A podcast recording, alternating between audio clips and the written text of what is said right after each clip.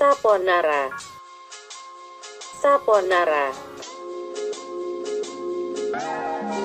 Salma Podcast di sini.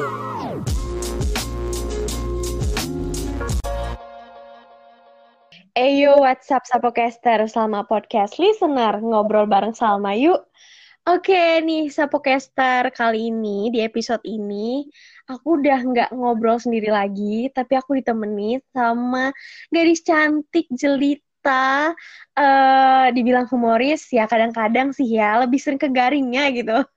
Tapi dia ini temen kampus aku, baik banget orangnya. Langsung kita sambut aja Raja Medina Yohana. Halo, Salma. Hai. Dan Hai. sering lagi dengerin. Iya. Ya, nih udah lama banget ya kita nggak ketemuan semenjak ada si COVID-COVID ini, semenjak ada si surat edaran bahwa kuliah online ya kan, maksain kita buat gak ketemu lagi. Aku yakin sih pasti kamu kangen banget kan sama aku Yon. Eh, sebenarnya aku nggak mau bilang sih, takut. Ini kan suara doang yang kedengeran. Ini hidungnya sama kepakis sebenarnya. Oh gitu ya. Ngembang gitu kayak dikasih baking soda gitu ya. Oke Yon, udah lama banget nih. Aku jadi nggak tahu nih. Mhm. Selain lagi kuliah, Yona tuh lagi sibuk ngapain sih belakangan ini? Eh, kebetulan sama kayak mahasiswa normal yang lainnya ya, kebetulan kita juga aku juga lagi sibuk ngampus dan kayaknya minggu ini Hmm. bakalan jadi minggu chaos banget karena udah minggu-minggu terakhir. Tapi eh, so far kalau lagi pandemi biasanya aku ini sih eh, ngisi waktu luang dengan ikut beberapa kegiatan dan beberapa kompetisi gitu. Hmm, tapi bisa ya, be- eh, apa, misahin waktunya gitu ya. Kan kita sebagai mahasiswa tingkat akhir nih, Ya, pasti kan banyak banget ya, ini itu, ini itunya tuh banyak banget gitu. Bisa nggak sih kamu tuh manage waktunya? Eh, jujur ya Sal ya, sebenarnya nih mungkin Sapocaster juga ngerasain eh, jauh lebih agak sulit nggak sih nge-manage waktu wak- karena pandemi ini. Karena kalau misalnya waktu awal-awal kita lagi offline gitu ya, lagi normal-normal sebelum kenormalan baru ini, eh, ya mungkin mungkin ada rapat, ada meeting gitu kan. Eh, jedanya itu bisa sampai satu jam, kita masih ada bisa istirahat. Tapi karena dikonversikan jadi online, semua meeting itu bisa jadi mepet banget. Jadi yuk kelar jam 9 pagi, jam 10 lewat 10-nya tuh bisa lanjut lagi gitu. Kalau menurut aku justru banget ya. iya cuy, jadi kayak justru lebih ini sih agak ad- agak struggle-nya lebih lebih menantang gitu. Tapi enjoy. As long as you enjoy it, oke-oke aja. Oke, nih Hyun, Mhm. eh, aku sebelumnya mau ngucapin dulu congratulations, selamat ya kan buat si temen yang satu ini. Karena di sosial medianya kemarin lagi gencar banget nih kayaknya. So good. Jadi si Raja Medina Yohana ini kemarin baru aja terpilih dari Duta Genre Riau 2020. Bener kan nih? Hmm, benar. Tapi spellingnya adalah genre not genre. Oh gitu. Hmm. Oke, eh, boleh dong aku biar Sapocaster juga pada tahu nih perjalanan si seorang Raja Medina Yohana ini sampai akhirnya terpilih jadi si dutanya ini gimana ceritanya? Wow, ini bakalan jadi long story. Panjang banget ya. Long Bener. story. Tapi first of first, eh, kalau misalnya boleh cerita ya, Sapocaster dan Salma di Sayonara. Hmm. Eh, salah. Sabonara. Aku seneng banget BTW sama sama nama sama podcastnya Salma. Jadi apa ya? Sebenarnya genre ini eh, itu singkatan dari generasi berencana ya, Sal ya. Dan ini itu merupakan salah satu program yang dicanangkan Badan Kependudukan dan Keluarga Berencana Nasional kalau udah pernah tahu. Yang ngehandle Hmm. keluarga berencana, KB, dua anak sejahtera. Nah, itu. Jadi mereka punya satu program yang dinamakan genre, di mana genre ini eh, adalah eh, satu program dengan output dan goals bisa mewadahi teman-teman remaja melewati masa transisinya. Kayak kita ini lagi transisi ya cuy ya, jadi kayak lagi eh, peralihan dari anak-anak menuju dewasa. Range usianya itu ya 12 sampai 24 tahun sama masih masuk ya Sal ya. Masih, masih. Alhamdulillah ya. Masih masuk. Nah, goalsnya adalah kita tuh bisa ngelewatin masa transisi ini tuh dengan baik, cuy. terhindar dari yang namanya uh, narko penyalahgunaan narkoba, kemudian seks pranikah sama pernikahan dini. Nah itulah backgroundnya ya. Jadi uh, intinya wadah soal isu-isu kenakalan remaja gitu lah, isu-isu remaja. Nah, sebenarnya aku udah bergabung cuy dalam program genre ini sejak SMA gitu. Ada yang namanya dulu PIK, Pusat Informasi Konseling Remaja. Jadi kayak wadahnya di bagian SMA gitu. Sekolah-sekolah ada tuh kalau di kalau di Riau. Kalau aku di Bogor juga ada itu PIK.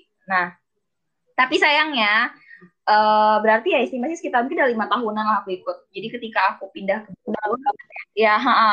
tapi aku belum dapat kesempatan waktu itu dari SMA untuk join dutanya karena mereka dulu masih nyebutnya duta uh, uh, duta gen duta mahasiswa. Jadi teman-teman oh. kakak tuh kakak kuliahan yang boleh ikut ikutan uh, pemilihan. Aku akhirnya kuliah kan di Bogor ya, uh, kuliah fokus kuliah sempat vakum dulu tuh dari genre sampai akhirnya ya manis manja Tuhan Corona hadir gitu ya di Indonesia. Mama bilang eh dilayangkanlah surat rektor dan kita harus pulang ke kampung halaman masing-masing. Itu panik tuh mesen tiket tuh. Lockdown gitu ya. Akhirnya ya udah balik di Maret. Nah, uh, alhamdulillah ya ternyata uh, ketika pulang teman-teman genre masih mengenalku karena regenerasi. Oh, kira udah lupa ya masih ada yang join gitu masih bertahan nah pas tuh akhirnya ternyata pas aku balik ada pemilihan tahun 2020 sebenarnya awalnya itu nggak di nggak mereka nggak kepikiran untuk pemilihan karena pandemi kan. E, beberapa provinsi lain itu nggak milih tapi ternyata ada sebagian besar itu juga milih. Diadakanlah tuh di provinsi Riau. Terus kayak eh opportunity nih gitu kan. Daripada uh, gabut ya walaupun sebenarnya nggak gabut-gabut banget kuliah di komunikasi gitu tetap banyak struggle-nya tapi kayaknya juga asik untuk ajang pelarian diri nge-refresh gitu ya. Ya udah ya kan akhirnya uh, aku coba daftar tuh ketemu teman-teman ya teman-teman baru lah ya segala macam. Terus aku ikut uh, proses pemilihan karantina dan segala macam. Dan kalau aku boleh mention aku highlight uh, proses pemilihannya itu cukup ketat dalam artian protokol kesehatan ya. Jadi setiap peserta itu dipastikan untuk uh, negatif gitu. Jadi kita ngelaporin rapid, kemudian direpit ulang lagi dan segala macam gitu. Karena uh, apa ada ada himbauan himbauannya agak strict gitu kan karena instansi pemerintahan juga yang ngadain untuk tetap jaga protokol kesehatan segala macam. Udah sampai akhirnya Oktober apa ya? Final gitu Oktober atau Agustus ya Allah aku bakal Oktober gitu cuy akhirnya final tapi baru-baru aja sih masih hmm. masih fresh from the oven sih masih ngelihat storiesnya juga masih baru masih belum lengser lah ya sama bener banget nah terus tadi tak aku juga udah denger tuh kan ada namanya seleksinya juga dan lain sebagainya ada hmm. karantina juga Nah, itu pasti nggak terlepas dong dari yang namanya percaya diri. Yeah. Nah, kita nih kadang ya, kita tuh uh, masih ada nih rasa kayak nggak pede, terus ngelihat orang dikit gitu kan kayak insecure. Nah, punya tips nggak sih atau cara-caranya ala si Raja Medina ini supaya kita tuh uh, lebih pede gitu? Jadi kan kadang kita gini nih, kita udah minat ya kan, udah minat nih kita pengen kita ngelihat ada poster gini, misalnya ada uh, ada pemilihan ini, ada ini gitu. Terus begitu kita lihat wah kayaknya asik nih gitu. Tapi begitu kita scroll lagi kita lihat-lihat lagi kayak ah kayaknya aku nggak nggak cocok dari sini. Ah kayaknya gini deh gitu. Jadinya nggak pede dan akhirnya nggak jadi tuh. Nah gimana sih caranya si Raja Medina ini supaya pede gitu loh tampil pede aja gitu. Tuh gimana caranya? Menarik. Karena ini pertanyaan sejuta umat tapi nggak banyak yang berani nyampain loh ya soalnya jadi insecurity-nya disimpan sendiri gitu loh. Kadang kayak langsung uh, mendem. Tapi um, kalau misalnya aku boleh sharing soal yang namanya self esteem ya kepercayaan diri. Kalau berkaca bukan berkaca sih. Kalau cerita aku tak kalau cerita dari kemarin sempat pemilihan kan uh, biasa pasti juga Sapocaster pernah pasti tahu uh, istilah bukan istilah sih kayak image dari istilahnya duta itu pasti pageant kan. Dalam arti yeah, lu adalah yang pertama gitu pasti Bener mikir banget. kayak gitu kan lu adalah yang pertama Hmm, uh, terakhir bener-bener. deh ada yang namanya 3B ada gitu kan uh, brand beauty behavior gitu jadi seakan-akan beauty ini yang paling pertama gitu behavior sama uh, brand belakangan gitu tapi kalau misalnya menghubungkan pemilihan uh, duta genre dengan kepercayaan diri gimana cara nge-build self esteem kalau boleh aku kotakin pertama ketika dalam hal pemilihan duta ya dalam hal pemilihan duta kemarin uh, nilai yang aku pegang ya Sal ya. Karena pasti kita nemuin uh, in general lah ketika kita berkompetisi kita nemuin uh, ada kompetitor kita yang kita anggap jauh lebih uh, bagus jauh lebih intelektual Hmm. jauh lebih uh, ya selangkah di depan di depan kita lah gitu ya. Pasti ada. Apalagi yang namanya kompetisi pageant kan. Nah tapi um, hal, satu hal yang selalu aku pegang adalah ketika ikut kompetisi uh, ini nggak cuma soal look ya, tapi juga soal uh, ketidakpercayaan diriku dalam dalam hal pola pikir. Kayak dia lebih pinter deh, kayak dia lebih intelek deh, gitu kan. Hmm, Nggak nggak perlu kita kotakin kepercayaan diri appearance doang gitu penampilan. Tapi nilai yang aku pegang adalah um, aku belajar banyak ketika aku kuliah uh, di Bogor, jujur. Ketika aku bertemu apa aja? yang jauh lebih bervariasi, uh, yang aku ambil adalah orang yang menang, orang yang benar-benar menurutku hebat ketika berkompetisi itu adalah mereka yang percaya dan punya nilai keunikan. Jadi mereka uh, ada sal beberapa orang yang kayak full of insecurity karena mereka berusaha membandingkan diri mereka dengan orang lain dan merasa mereka nggak mampu kan mencapai standar itu. Hmm. Tapi yang aku salut adalah ketika ada orang yang dia uh, break the limits gitu, dia nggak punya standar kepintaran, dia nggak punya standar kecantikan, tapi dia percaya diri dengan apa yang dia punya gitu. Dia bisa keunikan dia. Pertama, kalau misalnya dari hal apa ya, look, ada orang mungkin yang "Eh, gila dia tinggi banget sih gitu. Ada yang gitu kan, kok gue pendek ya. Tapi aku seneng Hmm. dengan pola pikir yang nggak apa-apa gue pendek, tapi seenggaknya ketika uh, gue senyum gue tuh punya karisma. Nah, gitu. Ada orang yang bahkan tanpa tanpa harus dandan pun ketika dia ngomong dia cantik. Keluar gitu karismanya. Iya, ada bener. kan? Memang. aku lebih menghargai orang-orang yang kayak gitu gitu. Eh kayaknya dia pinter nyanyi deh. Kok gue nggak pinter sih? Tapi tanpa disadari ketika lu beropini lu tuh lebih jago daripada yang pinter nyanyi. Nah itu tuh kadang uh, hal-hal yang mungkin kemampuan yang nggak magically happen bisa kita kuasain tapi orang yang punya kemampuan kayak gitu saat ini gue cukup apresiasi itu. Artinya dia benar-benar bisa melihat nilai yang berharga dari dari diri dia gitu. Dan itu yang dia asahkan itu yang dia dia itu yang dia kedepankan. Tanam. bener banget. Tanpa harus Bener. compare dengan kemampuan orang lain. Pasti karena pasti beda kan cuy? Pasti beda gitu. Gitu. Dan tapi memang susah sih buat eh buat pede itu memang susah Ya, gitu. Tapi nggak ada salahnya ya Sapocaster buat yang dengerin ini mana tahu hatinya tergerak ya kan? Untuk eh, oke eh, mana tahu tadi yang disampaikan sama Yona itu bisa langsung Pleng. sugesti Sapocaster amin amin. Semoga ya. Eh, Nah nih jelas nih ya karena udah udah jam segini juga ya kan. Aku tahu karena Raja Medina Yohana ini pasti juga sibuk banget nih. mau gue spoiler nggak di sini ngapain kita running drakor Wah, jadi udah ketinggalan berapa episode nih. bener Nih oke jelas.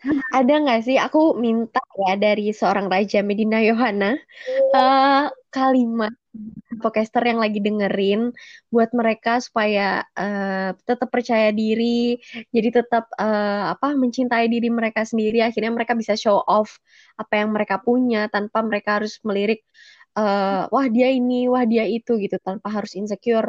Aku minta beberapa kalimat dari Raja Medina Yohana. oke last statement ya Mhm. satu hal aku rasa kalau mau belajar tentang self love, belajar tentang punya kepercayaan diri.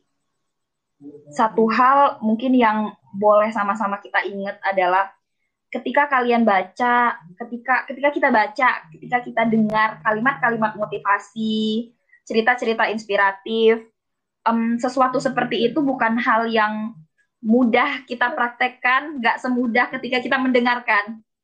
Ngerti guys? Jadi kayak ketika kita Hmm. dengerin, kita kayak kemotivasi gitu. Tapi nyampe nyampe motivasi doang, Mak. Wow, oke gitu. Tapi tepat setelah Hmm. itu sayangnya itu nggak tertransformasikan menjadi sebuah action tapi malah jadi insecurity. Nah kayak wow iya keren. Tapi kayaknya gue nggak bisa deh. Nah ada satu pilihan orang seperti itu, tapi pilihan yang kedua adalah oh oke dia keren. Oh berarti gue harus bisa bisa cari cara untuk punya keren versi gue sendiri. Dan Nah, iya tuh. dan garis bawahnya adalah apa yang aku bilang sekarang mungkin gak akan semudah kedengarannya karena proses sampai di sini juga aku masih setiap, setiap kita kan masih berproses ya pastinya setiap hari. Nggak akan nggak akan mudah gitu pasti ada struggle. Tapi yang paling penting adalah take your first step. Langkah pertama langkah pertama aja dulu gitu. Start your own journey lah karena jangan samakan journey aku dengan journey kamu dengan journey dia karena setiap kita pasti punya line yang berbeda kan. Dan kita punya keunikan masing-masing tuh untuk mencapai goals itu. Jadi take, Bener take banget. action aja gitu dengan cara dan keunikan kalian. Itu dan eh, apa ya aku punya saran deh mak buat eh, sapocaster di rumah. Kalau misalnya mungkin dulu lagi self improvement buat yang senang baca ya yang senang baca. Coba deh baca bukunya apa ya eh, Henry Henry eh, aku lupa. Pokoknya judulnya filosofi teras. Henry Manin Piring kalau nggak salah aku penulisnya. Namanya Filo- filosofi teras. Itu menurut aku buku dengan eh, konten self improvement yang bagus terutama tentang self love jadi Hmm. ya maaf aku spoiler dikit. Buku itu bercerita Hmm, boleh. eh, apa ya? Kalau apa yang apa yang bisa kita kendalikan itu cuman dikit banget skupnya cuman pikiran sama asumsi kita cuman pikiran sama pendapat kita tapi komentar orang lain dan cara orang lain bersikap eh, ke kita itu nggak bisa kita atur nggak bisa kita kontrol nggak bisa kita kendalikan jadi kalau misalnya Hmm. ada orang yang bikin kita kecewa ada orang yang kayaknya mau pengen jatuhin kita gitu, Ngejudge. kita Hmm. ya Hmm. uh, that doesn't matter karena terserah lu mau ngomong apa gitu lu nggak akan jadikan itu sebuah judgement kalau lu nggak lo lo nge, nge- ngebiarin ngeizinin itu jadi sebuah judgement. Itu salah satu buku yang bagus sih kalau menurut aku. Namanya dikotomi kendali kalau nggak salah. Filosofi teras. Sapocaster wajib baca banget. Tapi yang pasti Keren. start your own journey dengan keunikan kalian masing-masing. Keren. Keren banget tipsnya, motivasinya juga, ceritanya tadi juga. Karena kayak waktunya kurang panjang sih. Kayaknya seorang Raja Medina harus mengosongkan satu harinya untuk Saponara nih. Siapa takut Oke, siap. Oke, Yon, tadi kita udah banyak banget cerita. Ya. Aku pengen tahu satu figur nih ya, satu figur kamu yang jadi eh, apa ya, jadi inspiring kamu. Aku pengen deh satu orang aja. Oh, satu orang ya. Ibu aku. Mm-mm. Oh, so sweet. Figur. Ibu aku banget. Aku Bener belajar banyak dari beliau. Jujur. Keren-keren. Salam juga buat Ibu Raja Medina Yohana dan semua yang ada di sana. Makasih banget Raja Medina Oh. sudah menemani di Saponara. Pokoknya kapan-kapan mesti eh, datang podcastnya Salma lagi ya. Jangan kapok karena ini kurang banget nih waktunya jujur aja kurang banget. Semoga juga bermanfaat ya. eh, dalam artian Iya, dapat memberikan insight baru gitu buat Saponara, Iya. Saponara dan di Hmm, rumah. Amin. Oke, Raja Medina, sukses selalu.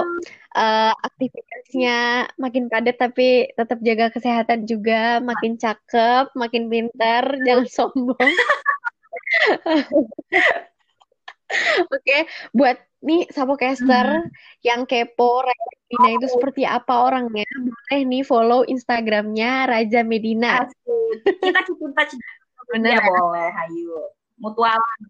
Hmm, yang mau nanya, yang mau konsul atau mau nanya eh, tipe tipe imam kamu seperti apa? Itu boleh juga nggak apa-apa ya. Sama aja. Eh, minta dicek. Oh, sama. Jangan dong. Ya udah. Oke, thank you banget ya Raja Medina Yohana. Thank you banget for having me, Sapocaster. Kita ketemu lagi di lain waktu ya. Semoga bermanfaat. Oke, thank you. Bye. Amin. Bye. Ngobrol banyak sama Raja Medina Yohana. Eh, jangan risau, jangan gegana, gelisah, galau, merana. Sampai jumpa di episode Saponara lainnya. Sayonara, Sapocaster. Bye.